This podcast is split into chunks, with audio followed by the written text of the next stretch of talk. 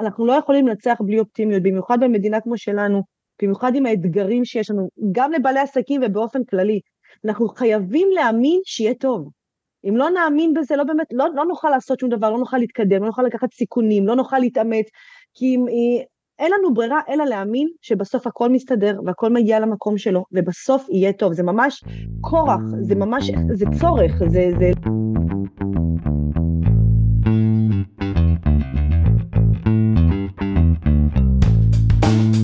לחיות בתפקיד הראשי, הפודקאסט של יעלי קוגן.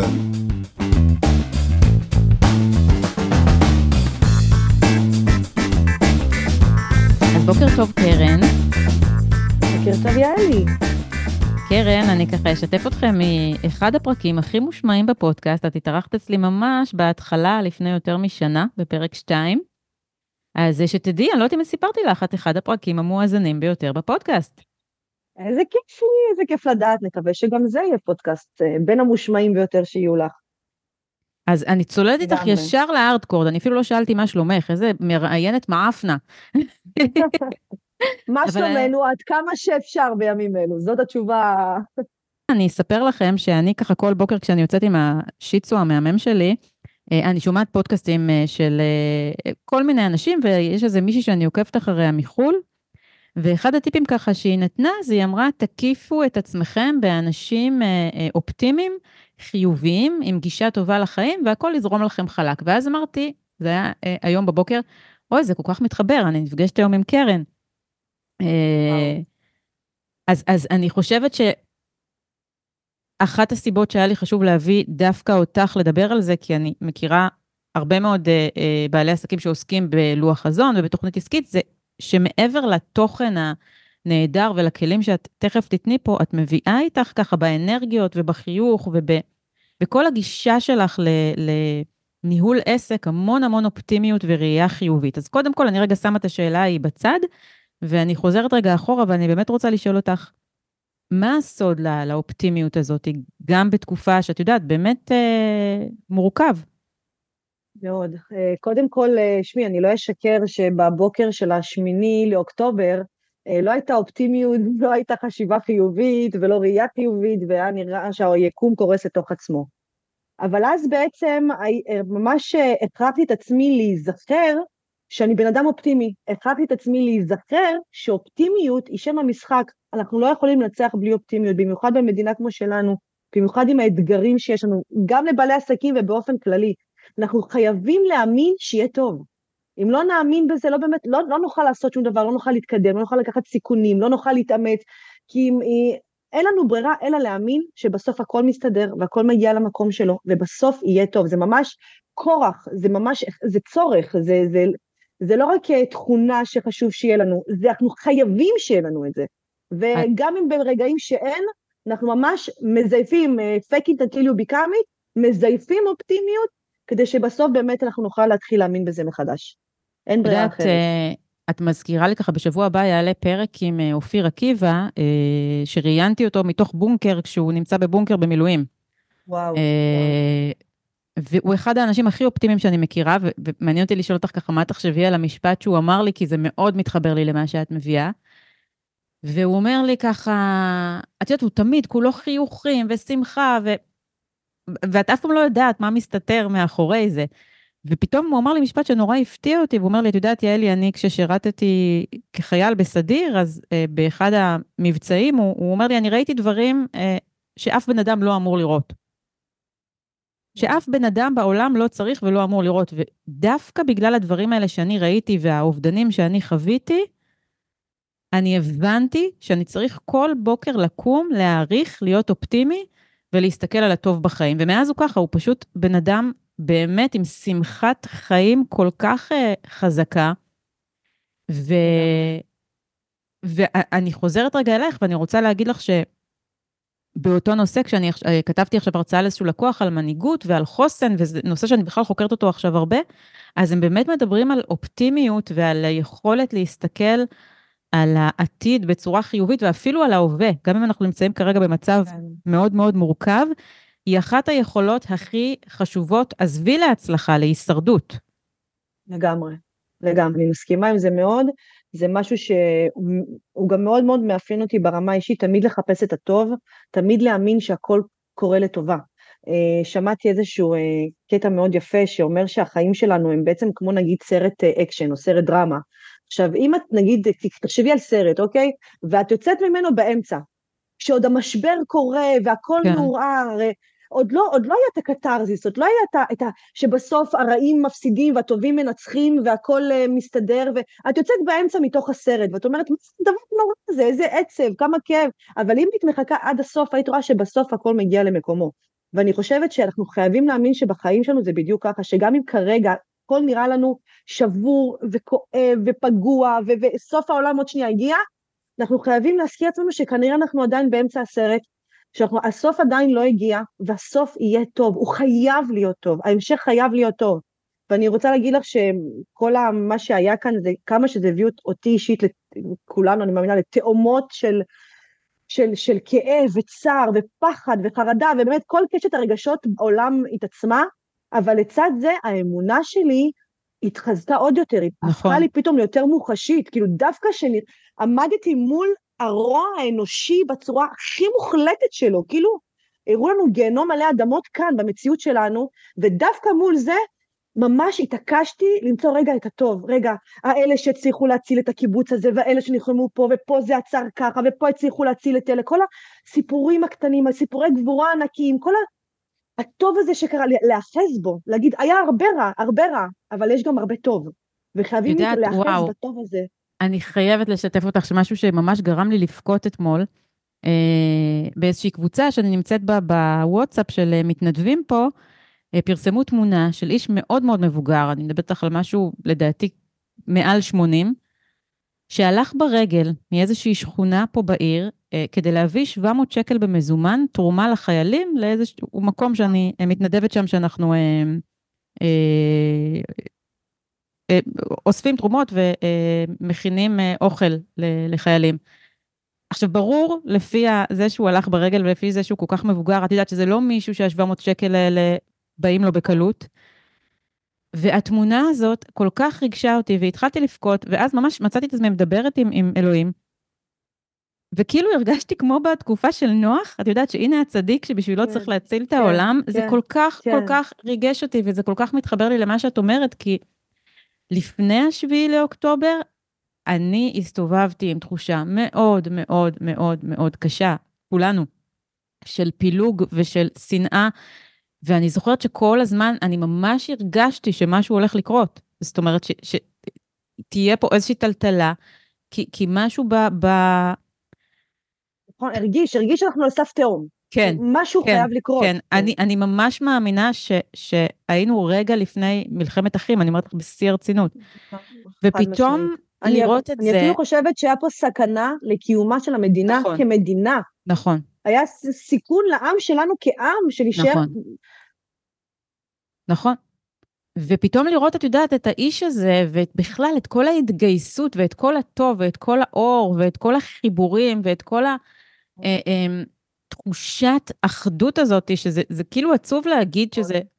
אבל אני חושבת, אני באמת, אני, אני כמוך, אני אה, אופטימית מלידה, אני באמת מאמינה שברמה כרגע הלאומית, ואפילו המעבר הלאומית, ברמה של עם ישראל כעם, אני ממש מרגישה שיש כאן איזושהי חזרה למקור, וזה לא סתם שכל כך הרבה אנשים התחזקו. באמונה, אני בדרך כלל חברים שלי חילונים לחלוטין, שפתאום התחילו, אה, אה, לא יודעת, אפילו להדליק נרות, או, או לעשות הפרשות חלה, או להתחבר, ולא, את יודעת מה, אפילו לא בקטע דתי, אלא בקטע שמבין נכון.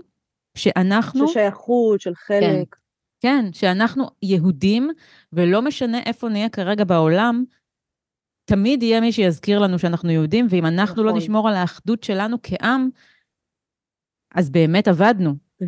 זה גם היהדות וזה גם הישראליות, נכון. והייתה פה תחושה בשנים האחרונות שהמדינה הזאת היא כבר מובנת מאליו, ואנחנו לא נכון. לא חייבים אותה, אנחנו אזרחי נכון. העולם.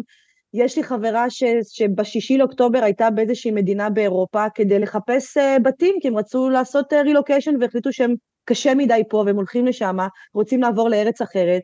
וכשהם היו שם, והיא אומרת לי, קרן, יומיים שלושה אחרי האסון שקרה לנו, את רואה כבר הפגנות אה, נגדנו, ושנאה, ושנאת יהודים, פשוט נוראי, והם הבינו, אין לנו מקום אחר, עם כל הקושי, עם כל זה, זאת אומרת, כולנו חזרנו לבסיס שלנו, הכי, הכי, הכי, הכי, לקחו מאיתנו הכל, ואז נכון. אין לך ברירה אלא לחזור ליסודות שלך. עכשיו, ו... את, את, גם, את הזכרת גם עוד משהו שבעיניי ממש חשוב, רגע לפני שנצלול לתוכנית העסקית להתעכב עליו, את אמרת שהרגשת שפתאום כל הרוע עלה וכל הדברים נכון. המאוד מאוד קשים ש, שאני מאמינה שיושבים אצלנו בתת מודע כעם, זאת אומרת, בתודעה הקולקטיבית כן. מהשואה ומכל כך הרבה שנים של אה, אה, אה, גלות. אני סוחבת, זאת אומרת, את הסיפור שואה של סבתא שלי בתוכי, זאת אומרת ב-DNA, וזה פשוט העלה את הכל חזרה. זאת אומרת, אם חשבנו, את יודעת, שאנחנו כבר הדור, שהכל מאחורינו, ו- ויש לנו מדינה, ו...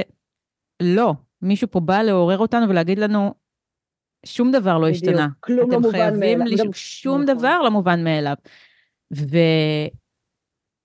זה מאוד מתחבר לי למה שאמרת, בזה שאת מאמינה שאנחנו כרגע באמצע הסרט, אני ממש מרגישה שזה איזשהו מסע שהתחלנו, כמו המסע של אברהם אבינו, של לחזור הביתה, לחזור לארץ, לא במובן של ה...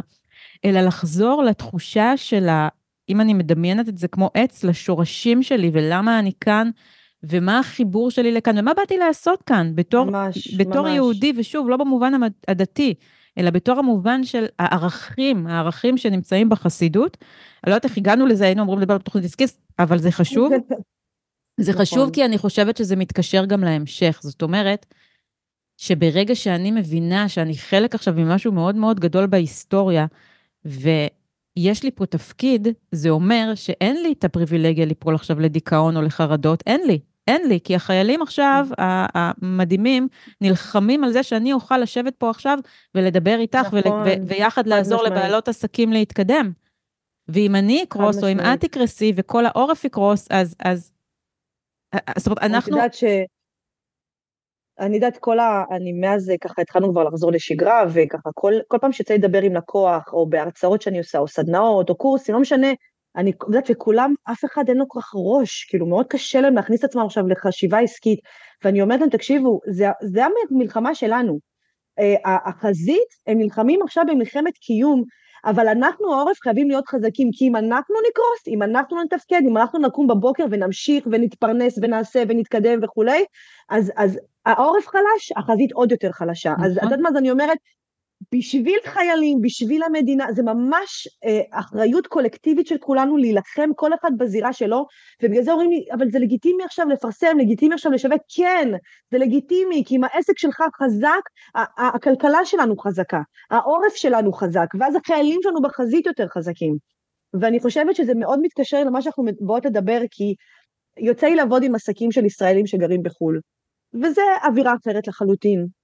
ובישראל, הצורך של בעל עסקים כשהוא עושה תוכנית עסקית שנתית, יכול לקרות. זאת אומרת, בכל מקום הכל יכול לקרות, אבל אצלנו יש הרבה יותר אופציות ל- ל- ליציאה מהנורמה. כי פתאום יש מבצע צבאי, ופתאום קורה איזה משהו, ופתאום מחסלים מישהו, כל הזמן יש משהו, אז שלא נדבר על השנים האחרונות עם הפגנות ובחירות ועניינים, אז יש פה כל כך חוסר יציבות, שיש אתגר אפילו יותר גדול לכל בעלי העסקים, אבל אין לנו ברירה אלא, אלא אבל את יודעת, מצד שני, מצד שני, אני חושבת שזה גם, זה יישמע הזוי, אבל זה יתרון, למה?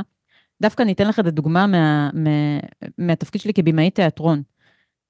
כל השנים הראשונות כשאני מלמדת תיאטרון, יש אחוז מאוד מאוד נכבד לאימפרוביזציות. עכשיו, מה זה אימפרוביזציה? אימפרוביזציה זה שאת בעצם מעלה מישהו על הבמה וטאק, משנה לו את הנתון פתאום, והוא לא יודע מאיפה זה נחת עליו, והוא צריך להסתגל ולהתחיל משהו חדש. עכשיו, זה משהו שאת מלמדת ילדים, שהם אחר כך מפנימים, ואז, לא יודעת, משהו לא מסתדר להם בצבא, הם כבר, המוח שלהם, וחקרו את זה מדעית, המוח שלהם יודע איך להסתגל וישר לשנות תוכנית. עכשיו, אם אני מקבילה את זה למה שקרה לנו עכשיו, הקורונה, ההפגנות, המלחמה, אין רגע שקט. זאת אומרת, כל פעם מנחיתים עלינו איזה משהו חדש, משהו בהסתגלות שלנו אה, מאפשר לנו להתמודד יותר בקלות עם, נכון. עם ההתקלות האלה. זאת אומרת, לי, נכון, אני יכולה להגיד לך באופן אישי, היה הרבה יותר קל עכשיו מאשר אחרי הקורונה, כי בקורונה כולנו נכון. היינו בהלם איזה כמה חודשים. נכון, וגם uh, אני חושבת שזאת אחת הסיבות שאנחנו אומת הייטק כזאת מהממת, כי אנחנו כל כך רגילים לעבוד מול שינויים, שאנחנו באופן טבעי, ה- הישראלי המצוי הוא הרבה יותר גמיש במחשבה שלו, והרבה נכון. יותר יצירתי במחשבה שלו. ואת יודעת מה, אני חושבת גם שבמקום מסוים זה גם אולי אה, גם מראה למה אנחנו כל כך אופטימיים, כי כשאת כל הזמן חיה על סף תהום, נכון, כשאת כל הזמן חיה בתחושה שבכל רגע נתון מישהו יכול לבוא ולהרוג אותך, נכון, אז את חייבת לחיות את החיים במלואם, את חייבת להיכנס, נכון. להסתכל על הטוב ביותר, חייבת לחשוב, אה, נו, וזה לא סתם שאנחנו אנחנו כזאת חברה יצירתית וחדשנית ומתקדמת, כי, כי אנחנו כל הזמן על הסף תהום אנחנו כל הזמן צריכים להסתגל אחרת. זה, זה לגמרי, זה, זה לגמרי נ- נכון, אבל שוב, ממש ממש אבל- נכון. אבל גם עכשיו, גם זה, זה ראייה אופטימית, כי אנחנו לוקחות משהו נורא שלילי ומוצאות בו את הטוב. כאילו, זה כל כך ישראלי לעשות את זה. להגיד דווקא בגלל שאנחנו כזאת אומה שכל הזמן בסכנה וכולי וכולי, בגלל זה אנחנו מסתגלים יותר, יצירתיים יותר, חדשניים יותר וכולי, זה שוב המקום האופטימי, באמת, בכל דבר שלי למצוא את הטוב, וזה סופר חשוב, ובחיים בכלל ובעסקים במיוחד, בעיניי. נכון, וגם, וגם ב, באמת במה שאמרת, בזה שיש איזושהי תחושה, ואת יודעת מה, זה גם לא משהו חדש, זאת אומרת, אני, כל התקופת נערות שלי בשנות ה-90, נתניה הייתה מופצצת על בסיס כמעט יומיומי, זאת אומרת, לי התפוצץ מלון נכון. מול הבית, אני הלכתי לקניון, ויומיים אחרי זה פוצצו אותו. זאת אומרת, הייתה תחושה של סכנה, אני זוכרת שהייתי נוסעת באוטובוס לבסיס, וכל בן אדם מפחיד שהיה עולה, הייתי יורדת מהאוטובוס. וואו. אז כן. התחושת סכנה הזו זה משהו ש... שכביכול, את יודעת, מי, יש לי הרבה חברים בחו"ל, שמתקשרים אליי ושואלים, אם הם בטוחים בחו"ל שאנחנו כולנו כאילו אה, אה, כבר לא כאן. אה, הם לא מבינים את זה. הם לא מבינים מה זה לחיות בתחושה שכל הזמן אתה באיום, כי עכשיו זה, זה כבר יושב לנו בתת מודע. אבל, אבל כמו שאמרת, הוא... כמו שאמרת מאוד יפה, אני חושבת שהכוח האמיתי הוא לקחת את זה למקום שאני רוצה לנצל כל יום בחיים שלי בצורה הכי טובה שאפשר, נכון. ואם אני לוקחת את זה לעסקים, מה אני משאירה בעולם, זאת אומרת, זה הראייה שלי בעסק שלי, מה אני עושה היום טוב למען מישהו אחר. איך אני משפרת ממש. לו את היום, איזה כלי אני נותנת לו, איך אני עוזרת לו, מה אני משאירה בעולם הזה. ואז זה מאפשר לנו, אפילו במצב הכי קשה שיש, לראות כבר את, ה, את ההמשך של הסרט שדיברת עליו קודם. נכון, נכון, נכון. כי כל, כל דבר, אני בכלל מאמינה שכל אחד מאיתנו, כל עצמאי, לא משנה איזה עסק זה, זה עסק שיש בו שליחות, הוא בא לתת משהו נכון. טוב בעולם. גם אם, גם אם את מוכרת שרשראות מחרוזי פלסטיק, נלך על הכי הכי קטן כביכול ונו, אז את מביאה שמחה ויופי. אנחנו תמיד מייצרים טוב בעולם הזה, אני ככה, כאילו, כשאנחנו באים בטוב, כן? אנחנו באים לייצר טוב בעולם הזה, וכל אחד שאנחנו נוגעים בו, אנחנו בעצם ממשיכים את השרשרת הזאת, יאללה. ואנחנו זרקנו עוד חכה של טוב, או זרענו עוד זרע של טוב, נגענו בעוד מישהו, שינינו לו את התחושה, שינינו את המצב רוח, הבאנו לו איזושהי ראייה יותר טובה, מיקדנו אותו, לא משנה מאיפה אנחנו באות. הבאים, אנחנו, כשאנחנו באים מתוך שליחות, אנחנו בהכרח באים לעשות טוב בעולם. ואם אנחנו באים לעשות טוב בעולם, אז אנחנו מחויבים להמשיך לעשות את זה. ואם אנחנו מחויבים להמשיך, אז כן, אז זה לגיטימי, לשווק, לעשות, לתכנן, למכור, כי אחרת, מה יקרה עם כל הטוב הזה? אנחנו לא נפיץ אותו הלאה. אני, אני מה זה איתך, ואני יכולה להגיד לך שממש סיפור אישי שלי, שממש בהתחלה, את יודעת, אני, אני הייתי על הפנים, זאת אומרת, לי ממש עלה כל השואה של סבתא שלי, והייתי על הפנים. ואז אני זוכרת ששמעתי, אני אפילו לא זוכרת מי אמר איפה, אני רק זוכרת את המשפט אה, לגבי הפודקאסט, שברגע שאני עכשיו לא מקליטה פרק שיכול לעודד מישהו, אני לא פוגעת רק בעצמי, אני פוגעת גם בכל המאזינים שהיו נוסעים עכשיו לעבודה, ובדרך, כשהם מדוכאים מהחדשות של אתמול, פתאום משהו שמישהו אמר יכול להפוך להם את היום ולהתחיל את היום באופטימיות. נכון. אני יכולה גם להגיד לך שזה גם מה ש... סליחה, זה מה שגם עזר לי בסוף לעמוד בחזרה על הרגליים, שראיתי שכשאני מדברת, שלקוחות מתקשרים אליי, לדעת ממקום של אפילו לא עסקי, מהמקום האישי, שאיך, מה אני עושה מחר בבוקר, ופתאום אני רואה שאני מעודדת אותם ומחזקת אותם, למרות שאני בעצמי לא חווה את זה כרגע, אבל פתאום אני מתחזקת על ידי זה שאני מחזקת אותם. אני מתחילה להאמין במה שאני אומרת על ידי זה שהם מאמינים למה שאני אומרת. אז זה עובד לשני הכיוונים. זאת אומרת, אנחנו מחזקים אחרים, אנחנו מחזקים את עצמנו. לגמרי. לגמרי. אז בואי נלך באמת, קרן, אני חוזרת איתך ככה לתוכנית העסקית, עכשיו בגלל שאני מכירה ככה את השלבים, כי שוב, אמרתי בהתחלה שהייתי בסדנאות שלך, אבל עכשיו זה, זה, זה משהו אחר. זאת אומרת, אם אני מסתכל קדימה על השנה, כשאת יודעת, אתמול בערב ראיתי שלא יודעת, אמ, אמרו הפרשנים שזה הולך להימשך המון המון זמן, ואני לא יודע מה, איך מתחילים? זאת אומרת, כשאת עובדת עכשיו על ה, עם לקוח על בניית תוכנית שנתית, במצב של חוסר ודאות, שלא יודעים מה יהיה, אה, אה, שיש כל מיני תרחישים אפשריים, ו- וכאילו צריך להכין אסטרטגיה לכל מיני מצבים, בואי נסי ככה לתת כלים, ממש כאילו אני כרגע כן. לקוחה שלך. אז קודם כל אנחנו צריכים לזכור שכל זמן נתון, גם uh, במצבי uh, שלום ושגשוג ופריחה והכל שקט והכל רגוע והכל טוב, בואו נדבר על הראשון לאוקטובר, כזה, uh, בימים שלפני, תמיד יש אי ודאות. יש איזשהו עיקרון, וזה בא מה, מהתחום הפיננסים, שמדברים על ברבורים שחורים. ברבור שחור זה, אנחנו יודעים אה, זה, זה לא שכיח, זה מאוד נדיר ברבור שהוא בצבע שחור, אנחנו מכירים את הברבורים הלבנים, אבל אנחנו יודעים שהם קיימים. וזאת אומרת, אנחנו צריכים להיות מוכנים תמיד לאי ודאות. ואותו דבר בחיים שלנו, הרי, הרי הכל יכול לקרות ברגע, ועובדה, ראינו את זה, אין, אין, זאת אומרת, אני חושבת שאחרי השביעי באוקטובר כולנו מבינים שהכל יכול לקרות, אין כבר הזוי מדי, אין כבר משהו לא הגיוני. כל הלא הגיוני, הגיוני, הכל יכול לקרות ברגע, אבל זה תמיד ככה, אנחנו יכולים לקום בבוקר, או בן אדם יכול לקום בבוקר עם מתכנן תוכניות, ובכלל, אה, אה, אני לא רוצה את המקום השלי, אבל החיים בכלל לוקחים אותו לכיוונים אחרים, והכי לא מה שהוא תכנן. אז החוסר ודאות הוא תמיד קיים. בתקופה כזאת, החוסר ודאות הוא פשוט נוכח מאוד. הוא מוחשי מאוד, אנחנו מבינים שהחוסר ודאות, שכרגע אנחנו רואים רק ברבורים שחורים, זה בערך המצב. אנחנו בכלל כן. לא רואים את הלבנים, אנחנו רואים רק את השחורים. ובגלל זה אנחנו תמיד צריכים לתכנן כאילו הכל ודאי, אבל להיות מוכנים לכך שהכל הולך להשתנות. זאת אומרת, אנחנו פועלים בשתי נתיבי חשיבה. הכל, הכל ודאי והכל בטוח ולפי זה אני מתכנן, אבל מצד שני, אני מתכנן את זה בגמישות ופלן B או פלן C ו-D וכולי, כי אני מבין שהכל יכול להשתנות. כל מה שאני, כל מה שאני קובע יכול להשתנות ברגע, אבל זה משהו שתמיד, הוא תמיד נוכח. אז אם אנחנו עכשיו מסתכלים על, בעצם על מציאות שהיא, אנחנו רוצים להגיד שהיא ודאית, אבל אנחנו מבינים שהיא ברת שינויים בצורה מוחלטת, אנחנו מסתכלים קדימה והתוכניות שאנחנו מתכננים, היא בעצם מתכוננות לכל מיני סיטואציות. עכשיו, מה זה סיטואציות? כל עסק צריך לדעת את זה מהמקום שלו. לדוגמה, סיטואציה של אי אפשר להיפגש יותר פרונטלי, סיטואציה שאי אפשר יותר לבוא למשרד או לחנות, סיטואציה שאי אפשר לעשות משלוחים על ידי חברות משלוחים. זאת אומרת, כל אחד מהתחום שלו פלטמים יכולים לקרות, אבל ממש לפתח אותם בצורה, והקורונה עשתה לנו אחלה שיעור, אני חושבת נכון. שזה הכינה אותנו לסיטואציה. כי אנחנו בקורונה בעצם גם סגרו הכל, כלום לא היה אפשרי.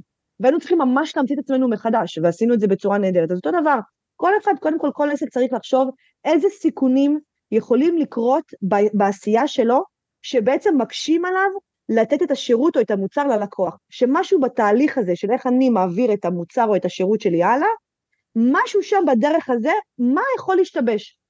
ואז אנחנו באים מוכנים, אם לדוגמה אנחנו מדברים על פרונטלי נגיד, אני לא יכולה להיפגש פרונטלי במשרד עם לקוחות, אוקיי, אז יש לנו זום לדוגמה, אוקיי, זה הדבר הכי קל, זה הקורונה לימדה אותנו. ואם אני לא יכולה למכור פיזית בחנות שלי, אז אני יכולה למכור באתר שלי, אני יכולה למכור דרך הוואטסאפ שלי, אני יכולה בעצם לייצר לי מראש כל מיני תוכניות ודרכים ש, שאנחנו, שיהיו ה plan B שלנו, במקרה וזה לא אפשרי, אז מה כן אפשרי? Uh, עוד דבר שהוא ככה חשוב לראייה כללית, אבל פה זה קצת מאוחר מדי, אבל אני ממליצה לכל בעל עסק, אולי זה מאוחר מדי לכרגע, אבל זה תמיד, תמיד יקרה עוד משהו, אז זה אף פעם לא מאוחר להתחיל באמת. אנחנו חייבים, כל עסק חייב שיהיה לו חיסכון ברבור שחור. כל עסק חייב שיהיה לו חיסכון של בערך שלושה חודשים, ש, של כאילו, כאילו כמה אני חייבת להרוויח, להכניס בחודש, mm-hmm. בשביל לממן את החיים שלי, כפול שלושה חודשים, חיסכון שיושב נגיד בפרי יומי, זאת אומרת משהו שאני יכולה למשוך אותו ברגע, אני לא, אני לא מחפש עכשיו שיצבור לי ריביות ויעשה לי, אה, נו, אני צריכה שאני ברגע, בכל רגע נתון אני יכולה למשוך אותו, בלי שיש לי אה, אה, אה, ריביות על אה, אה, פירעון מוקדם או כל מיני שטויות כאלה, ושבאמת במקרה הכי גרוע אני יכול גם לייצר לעצמי איזשהו ביטחון כלכלי, כי כן. זה ממש, וגם אם אין לכם, הכל בסדר, תתחילו מעכשיו. תתחילו, תחסכו לזה 100 שקל בחודש, 200 שקל בחודש, 1,000 שקל, כל אחד כמה שהוא יכול, אבל באמת לייצר איזשהו חיסכון למקרים כאלה. אז קודם כל לבוא מוכן לכך, לכך שהכל משתנה. ועכשיו בואי ניכנס רגע שנייה לתכנון קדימה. אז אצלנו בארץ, בגלל שראש השנה מגיע לרוב בספטמבר, אז למרבית העסקים, האוקטובר זה הרגע אחרי החגים מה שנקרא, נכון. ודווקא פה זה הרגע שכביכול השנה העסקית באמת מתחילה. נכון שברשויות הם סופרים מהראשון עד השלישי, עד ה-12, אבל עבורנו, אחרי החגים, פתאום הכל מתחיל להיפתח. למה היה חופש גדול, יולי ואוגוסט וקטרון וחופש גדול וחופשות ואחרי זה חגים, וכאילו המשק הישראלי יוצא קצת מהאיזון שלו בחודשים האלה, ואז מגיע אחרי החגים וכולם מחכים להתפוצצות של אחרי החגים. לצערנו הפעם אנחנו, זה לא קרה, ובגלל זה גם הרבה עסקים נכנסו לקשיים, כי סמכו על החודשים האלה. אבל קודם כל, באופן כללי, כל אחד שעכשיו יושב ותכנן, שייקח לעצמו בחשבון שהתקופה של אחרי החגים, זה תקופה שבה הוא אמור להתחיל להתפוצץ. אז כל התקופה, כל התכנונים לצאת עם מוצרים חדשים, שירותים חדשים, עשייה עסקית אה, ענפה, צריכה להיות מחושבת במיוחד לתקופות האלה, מאחרי החגים, והתקופות שהן בעצם חודשים נקיים מהסחות דעת. אה, מה זה אומר? הרי לכל, בכל עסק, בכל תחום ולכל משק, יש חודשים שבאופן סיסטמטי, ממש לאורך השנים אנחנו רואים את זה, יש פחות עבודה. יש ממש תחומים לדוגמה שחודש פברואר הוא חודש מאוד חלש. אה, או שנגיד חודש אה, דצמבר הוא חודש מאוד חלש. נגיד בתחום הרכב, בדצמבר הרבה פעמים יש פחות מכירות, למה יש החלפת אה, שנתונים? בכל מיני תחומים של מכירות וכאלה, חודש פברואר, משום מה, אין לי מושג למה, חודש פברואר הוא חודש יחסית מאוד חלש, למרות שאין בו חגים ומועדים וכאלה, יש משהו אבל כנראה אחרי ההתפוצצות של אוקטובר, נובמבר, דצמבר, ינואר, אז יש איזשהו, איזושהי רגיעה בחודש פברואר.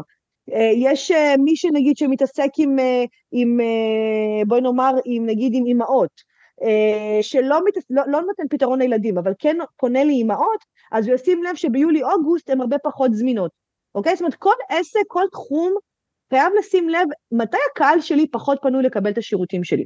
ואז זו התקופה שנקראת עונת המלפפונים. זה ככה משהו מתוך, ה, במדיה קוראים לזה, זה בעצם תקופה שיש מעט מאוד עשייה עסקית. וכשיש מעט מאוד עשייה עסקית, אני מסמנת לי אותם, ועם השנים כל בעל עסק יודע כבר לזהות אצלו איזה חודשים הם חלשים יותר, גם אם mm-hmm. זה נראה לא הגיוני שהם חלשים, אבל הם חלשים, מה לעשות, סטטיסטית, אנחנו רואים שאנחנו מרוויחים פחות כסף באותו חודש, אז בחודש הזה לתכנן פעילויות של back office, פעילויות של פיתוח עסקי. אתם רוצים לשדרג את האתר? מצוין, אל תעשו את זה באוקטובר שאתם הולכים להתפוצץ, או בנובמבר, או בדצמבר, או בינואר, תעשו את זה בחודשים החלשים שלכם. שם mm-hmm. לכם את המשימות האלה. פיתוח עסקי, כל ה-back office, CRM, להכין דברים, להכין תוכניות, לפתח מוצרים חדשים, לפתח שירותים חדשים, לייצר, לבנות database, לפנות כדי לפנות לארגונים עם מוצרים. זאת אומרת, כל העבודה שלוקחת המון זמן, ואנחנו צריכים שקט וככה לשבת במשרד בשקט ולעבוד, לשמור את זה לעונת המלפפונים. והחודשים שאנחנו יודעים שהם חזקים, או אנחנו עדיין לא יודעים, אבל לפי הגיון הבריא הם צריכים להיות נורא חזקים ופעילים מבחינה עשייה עסקית, את אלה אני מייעדת לעבודה, כמה שפחות back office, כמה שפחות משימות שמכבידות עליי, כי זה החודשים שאנחנו חייבים לבוא ולעבוד חזק ועם עם כמה שיותר לקוחות, לייצר כמה שיותר כסף. כי כל עסק צריך להסתכל על העסק שלו מבחינה כספית בצורה שנתית, לא בצורה חודשית.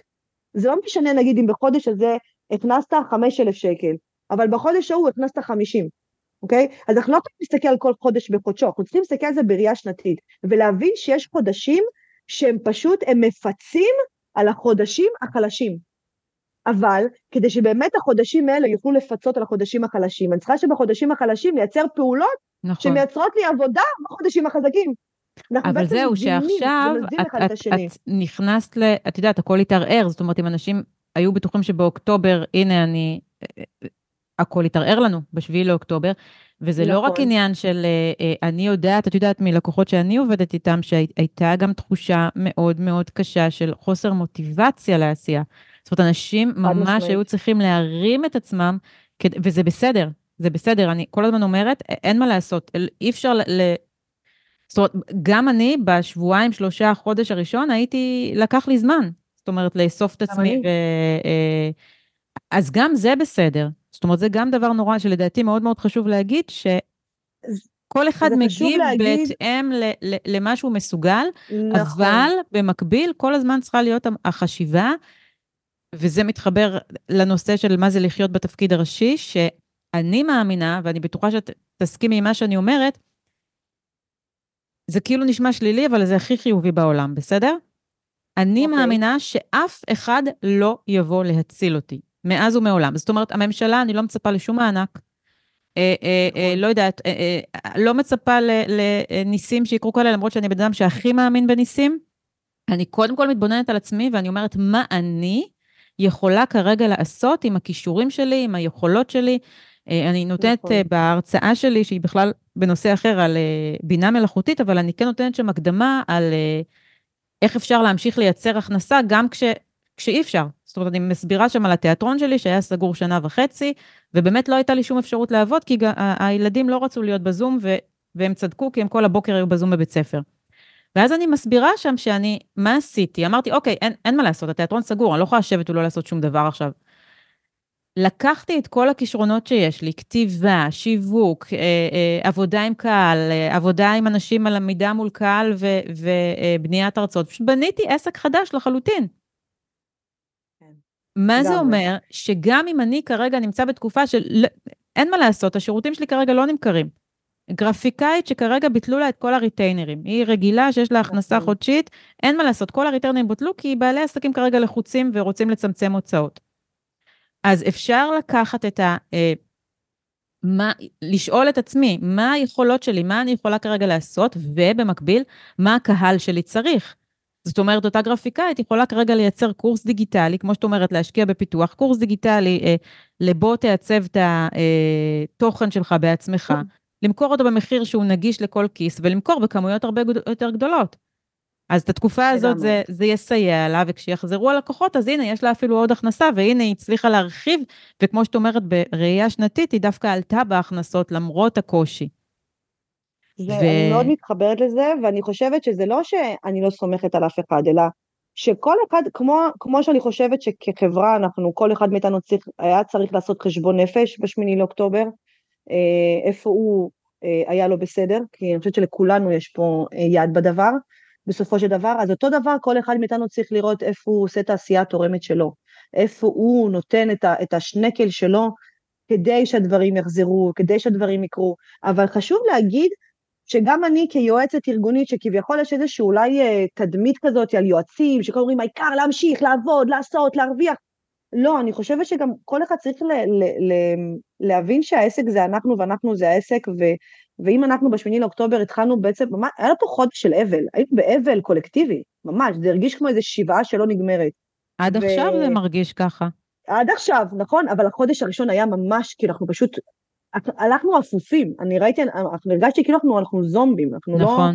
אנשים לא, לא, לא, לא, אז גם אני לדוגמה, לא עבדתי כל אוקטובר, גם לקוחות שצריכים להיות, תקשיבו, אני לא מסוגלת. גם אני, אני, לא אני ביטלתי לא הרצאות, גם אני, כן. וזה חשוב להגיד את זה, אני חושבת, דווקא במיוחד מה, מהתפקיד שלי, כדי לבוא להגיד, חבר'ה, תקשיבו, זה לא באמת כל הקלישאות האלה, תמיד להמשיך, לעשות, לדחוף את עצמך. כן, בסדר, אבל גם להרשות לעצמך, כשאתה במקום כל כך קשה, גם להתמסר לזה, וזה בסדר, כדי שנוכל באמת אחרי זה להמשיך הלאה. אז אני חושבת שנכון, כל אחד לראות באמת מה הוא יכול לעשות באותה נקודת זמן, מה הוא יכול לתת, ולא לתת רק ממקום של התנדבות, או ב, ב, ב, ב, עם הנחות, גם אפשר גם להתאמץ, אבל מה כרגע אני יכול לתת שהוא שווה ערך? כמו שאמרת על המצבת גרפית, הריטיינרים שלה נגמרו, נכון, אבל יש הרבה בעלי עסקים נגיד עכשיו שרוצים כן אה, לעשות, אה, כן רוצים להשקיע בעסק, כי זה אמרנו זה פיתוח עסקי, כי אין לנו זמן, לה, אנחנו באמת עובדים. יופי, אבל אין להם כסף כרגע להשקיע במעצבת גרפית שתיקח לוגו. אז הם כן יוכלו להשקיע איזה סכום שהוא סכום טוב והגיוני, ל, ל, לא הגיוני, הגיוני זה מילה לא נכונה, אבל סכום שהוא נכון לסיטואציה וללמוד איך לעשות את זה בעצמם, לדוגמה. אה, אבל אה, מעבר לזה, לא לפחד לחזור לשירותים הרגילים שלנו, לא לפחד להציע אותם, לא לפחד גם להעלות מחירים אם צריך. אחד הדברים שאני מאוד שומעת הרבה כשאנחנו בונים עכשיו תוכניות עסקיות שנתיות, עכשיו זה הרי השיא עכשיו, חלק מהעניין זה לעשות גם מיטוב, ל, ל, ל, מיטוב אה, פיננסי, כי יכול להיות שעשינו תמחורים לא נכונים, ועשינו החלטות לא נכונות, וצריך לשפר את זה, כי הרי בעל עסק צריך כל הזמן להיות במצב של פיקוח ובקרה עצמית, לראות אוקיי, מה עשיתי, כמה זה הנכון, כמה זה לא הנכון, ואיך אנחנו משנים את זה הלאה. וגם תמחור זה חלק מהעניין, ואחד מהדברים שאני מה לעשות שאני באה לעסק ואני בונה את האופציה של תוכנית עסקית שנתית ואני רואה שיש טעויות בתמחור, באיך שאנחנו בנינו את התנאי, תשלום, גבייה, כל העולמות האלה שקשורים לכסף. ונורא מפחדים עכשיו, נורא מפחדים להדק את תנאי התשלום, נורא מפחדים להעלות מחירים למרות שזה מה שהעסק צריך. אז אני לא אומרת עכשיו שכולנו צריכים לעלות באופן גורף, זה לא נכון. אבל אם באמת התמחור שלך לא נכון, כן, תעלה מחירים, תעשה את זה. אל תפחדו מזה, אל תחפשו רק את הזול. רק את הקטן, רק את הנגיש. אנשים כן בסופו של דבר מבינים ומוכנים לשלם על משהו ששווה ערך. נכון שיש הרבה קושי כלכלי וכולי, אבל עדיין, הטיפוס הישראלי הוא טיפוס אופטימי מטבעו. אתם ראינו מה קרה פה אחרי הקורונה. שוק הנדל"ן התפוצץ בעליות מחירים בגלל הביקוש. הגיוצים שלנו באשראי הגיעו לשיאים שלא היו פה מעולם. וזו הייתה תקופה שהיינו סגורים איזה כמה שנים, ועדיין אנשים בזבזו וקנו, למה? כי זה חלק מהאופטימיות הישראלית שלנו. אנשים רוצים להאמין שיהיה בסדר, שהכל יחזור על כנו, שהעבודות יחזרו, שנמשיך להתפרנס, שהכל יהיה טוב. ולכן, אם אתם צריכים גם למכור, ושירותים יקרים יותר, מורכבים יותר, אל תפחדו לעשות את זה. יהיה לזה קהל. אני רוצה לשאול אותך משהו שפתאום ככה עולה לי, כי יש, יש לי גם הרבה מאזינים שהם בכלל לא עצמאים, ואני כן רוצה גם לחבר אותם לזה. איך את רואה את הראייה שלך, של בניית תוכנית עסקית והתמודדות עם משברים ועם אתגרים ועם קשיים? כי באמת, אני חושבת שלהיות עצמאי זה, זה קשוח. זה קשוח, גם, גם נכון. כשאתה מצליח וגם כשאתה נופל, זה כל יום אה, להתמודד עם העצמי שלך. את אמרת משפט נורא יפה, שאני אני לגמרי מאמינה שאי אפשר להתפתח בשום צורה אם אני לא מפתחת את העצמי שלי. איך את רואה את הכלים האלה, אה, גם בהקבלה לחיים האישיים, להתמודדות עם משברים ולהמשיך ללכת ולהיות אופטימי ולבנות כל מיני אה, אה, אסטרטגיות לאם משהו אחד לא הולך אז אני עושה משהו אחר, לכל, לכל בן אדם, לאו דווקא בעל עסק. כן. קודם כל, באמת, כשאנחנו מחליטים להיות בעלי עסקים, אנחנו מקבלים על עצמנו, מחוי... אנחנו מקבלים על עצמנו את ההבנה שאנחנו עכשיו נכנסים לעולם שהוא חוסר ודאות. כל בעל עסק מכיר את זה, הוא כל כל תחילת חודש הוא פשוט אה, אה, מתחיל להתחיל לייצר את המשכורת החודשית שלו. זה כל חודש מחדש מייצרים את השקל הראשון. ואנחנו חיים בתחושה של חוסר ודאות מוחלטת. אמ, אבל באמת אני חושבת שיש פה הרבה תכונות טובות שכל אחד יכול לקחת לעצמו. לדוגמה, אם אנחנו מדברים על, על, על, על התכנון הזה, שאנחנו צריכים לתכנן קדימה כאילו הדברים ודאיים, אבל להיות מוכנים לשינויים, זה יכול להופיע בכל דבר, זה יכול להופיע בתכנון הפיננסי של הבית שלנו, זה יכול אפילו להופיע בחופשה המשפחתית שלנו. אני אתן לך דוגמה, אה, בתקופת הקורונה, כשכל, כשהקורונה התחילה, אז הבת הבכורה שלי, שיר, שכמובן מכירה אותה והיא לומדת אצלך כבר הרבה שנים, אה, היא הייתה, הייתה לה בת מצווה, והיה לנו אירוע, וכבר הכל היה מקום ומפעילים והכל מהכל באמת, ושלוש שעות לפני אנחנו מקבלים הודעה שהיא צריכה להיכנס לבידוד והאירוע בעצם מבוטל. והגעתי למשרד הבריאות ולמי לא הגעתי כדי לקבל את האישור, אמרו לי אין, שלוש שעות לפני היינו חייבים לבטל הכל. עכשיו אני צריכה עכשיו לבוא לעמוד מול הבת שלי, שכבר השמלה מחכה, והנעליים מחכות, והתכשיטים, והספרית בדרך, וכל הדבר הזה, ואני צריכה להגיד, תקשיבי, מבוטל. מבוטל. כל האירוע הזה שתכננו אותו, כל המסיבה עם חברים והכל, הכל מבוטל. ופה החוסר, המקום הזה של להבין שהכל יכול לקרות, שזה נכון לעסקים, הוא גם גם נכון פה. והיכולת הזו להסתכל על האופטימיות, ואז פשוט ישבנו ודיברנו איתם, אמרנו, תראי, אם זה בוטל, כנראה זה עדיף שזה יבוטל, כנראה לטובה שזה בוטל, כי אם זה לא היה מבוטל, אז אולי היה מישהו חולה, ואולי איזה אה, סבא היה יכול להידבק, או מישהו מבוגר, מישהו שאכפת לנו, היה קורה איזה משהו, כאילו אנחנו חייבים תמיד להביא שמה שקרה זה בהכרח לטובה, כי יכול, אם, אם משהו, כי אם לא קרה משהו, זה לטובתנו שהוא לא קרה. כי אז זה צריך להיות איזה, איזשהו נתיב, כמו דלתות מסתובבות, כן. משהו שלילי שהיה קורה לנו. אז, אז האופטימיות, ואוקיי, אז בואו נשנה תוכניות, ובואו נראה מה עושים אחרת, זה בא לידי ביטוי פה, בבת מצווה של הבתי שהתבטלה.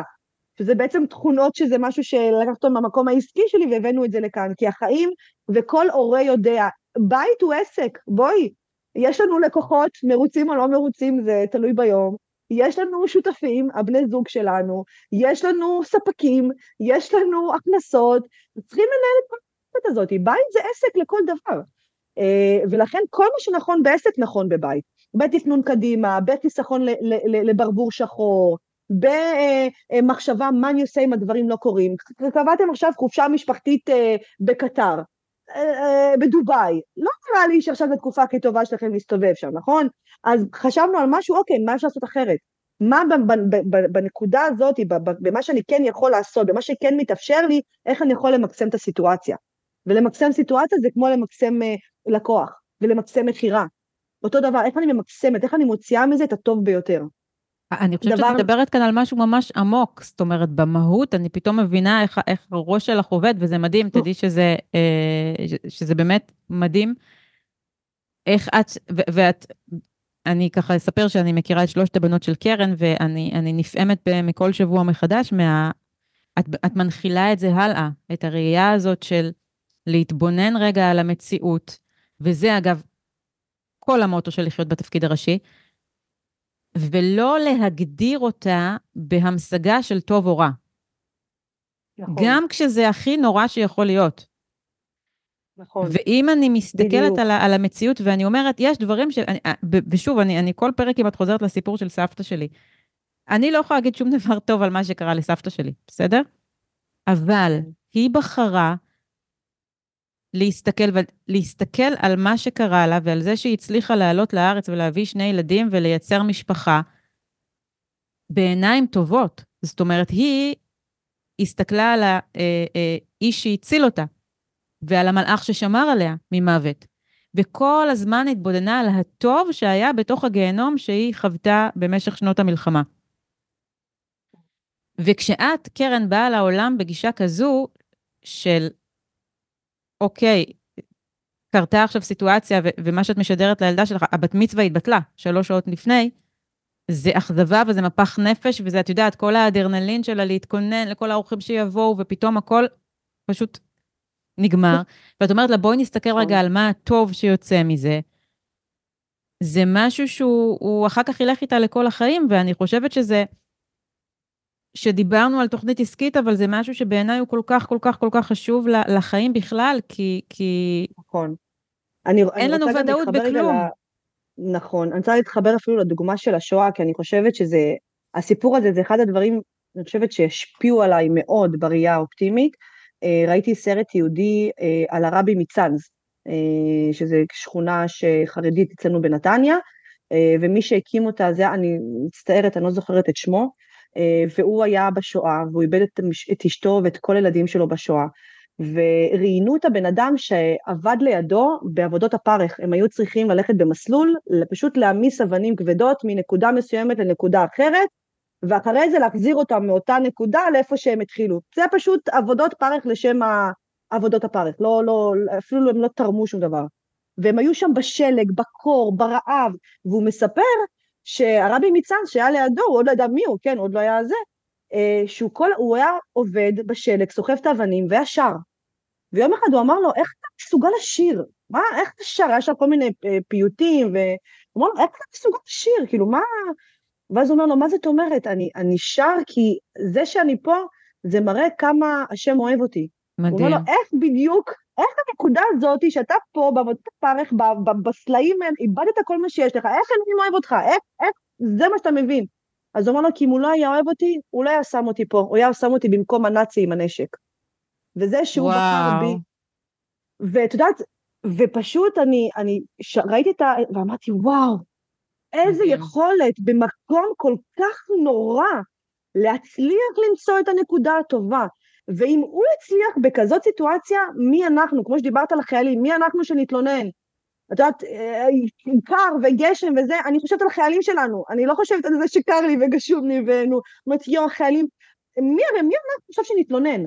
ואז אני חושבת שבאמת אפשר למצוא, זה בחירה, למצוא את הטוב בכל דבר, ועסקים, בעלי עסקים ששומעים אותנו, וגם לא, גם שכירים שנפגעו, וחל"ת, ופיטורים, ומילואימניקים, ומה, כל אחד עם, עם הסיפור שלו.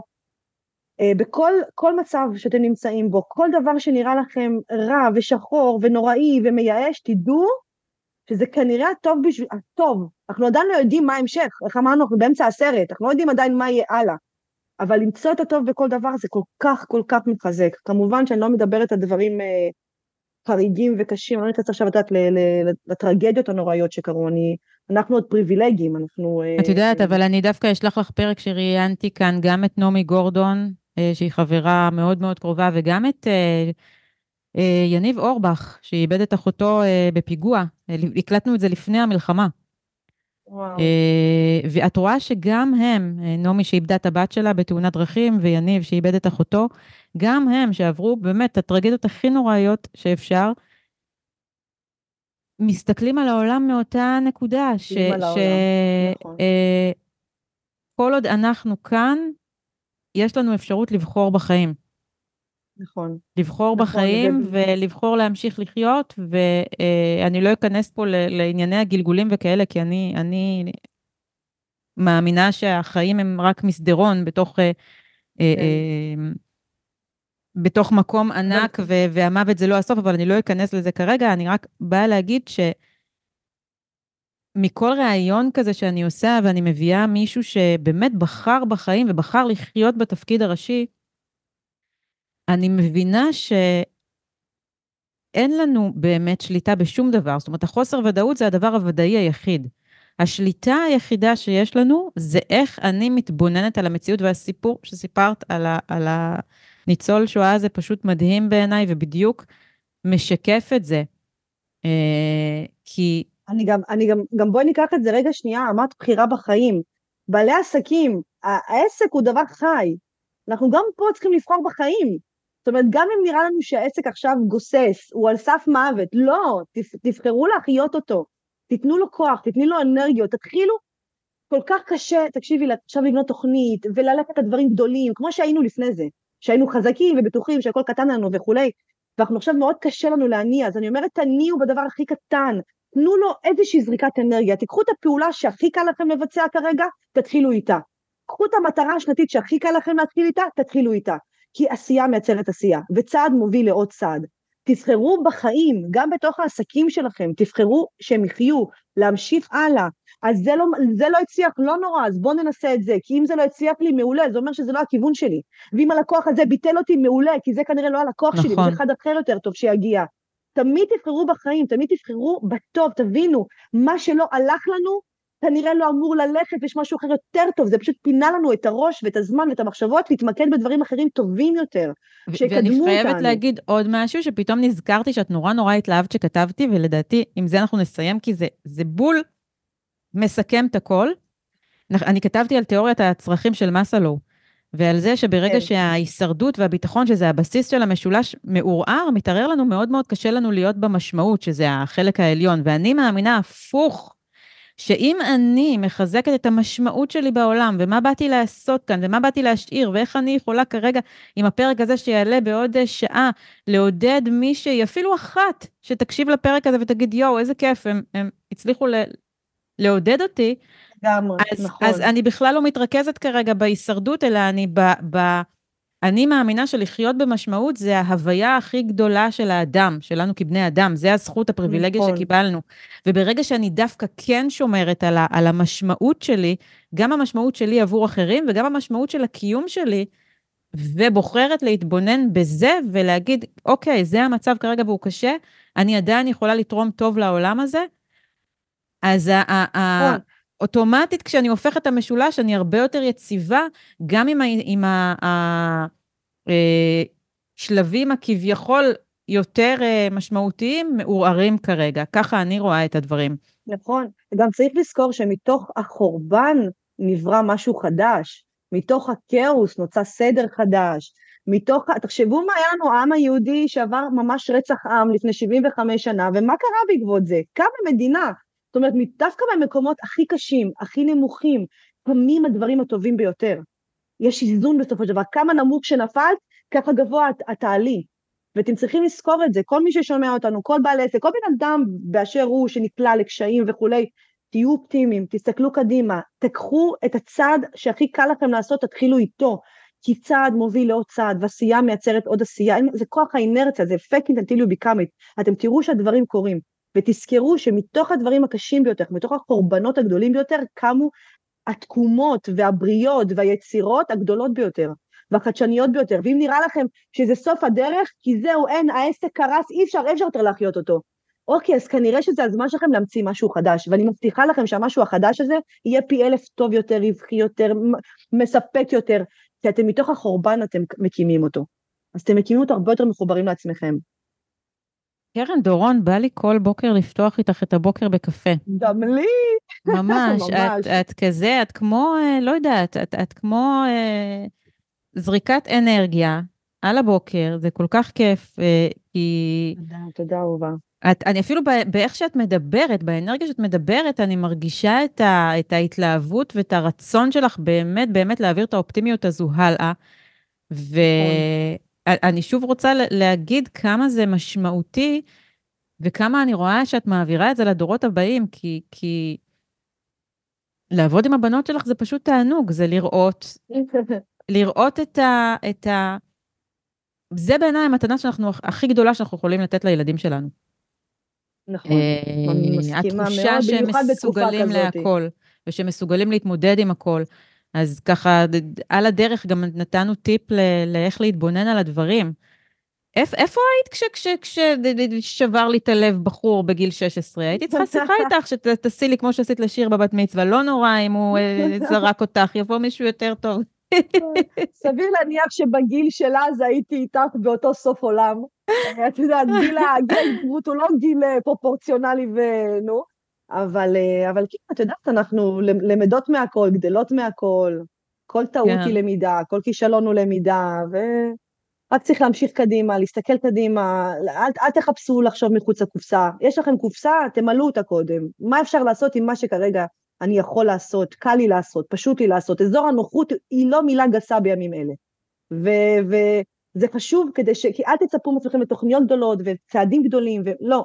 תתחילו בקטן, תתחילו בנוח, תתחילו בפשוט, ואתם תראו שהדברים יקרו מעצמם מכוח האינרציה. קרן דורון, תודה רבה רבה. אני אשאיר את הקישור אה, לאתר אה, שלך, אה, שככה מי שירצה לקרוא עוד, יש לה המון המון המון דברים מעניינים שקרן עושה, שתוכלו ככה, אפילו לא, לא, כאילו מרגיש לי שכולם מכירים, אז לא הצגתי, את רוצה להגיד בכמה משפטים מה את עושה? אה, אז אני קרן דורון, ואני יועצת ארגונית לעסקים אה, חכמים, בעצם בעלי עסקים שרוצים לאכול את העוגה ולהשאיר אותה שלמה, אבל לא כקלישאה, כמתודה. כי זה אומר בעצם ליהנות מפיתוח עסקי וממקסום רווחים ואיזון בין הבית לפנאי, לעסק, לכל הדבר הזה שנקרא החיים שלנו. אני מאוד מאמינה ב... שעסקים עושים בכיף, עושים אותם באהבה ועושים אותם בהנאה, ושעסק אמור לתרום לנו ולא לפגוע באיכות חיים שלנו. אז אה, זה ככה המסר שאני באה להעביר הלאה. אה, ואת אפילו חוקרת את זה כרגע כדוקטורט, חוקרת, נכון? נכון, נכון, בדוקטורט שלי בייעוץ ארגוני אני חוקרת איזון בעצם, אה, את האיזון הזה בין הפנאי למשפחה, לעסק של בעלי עסקים.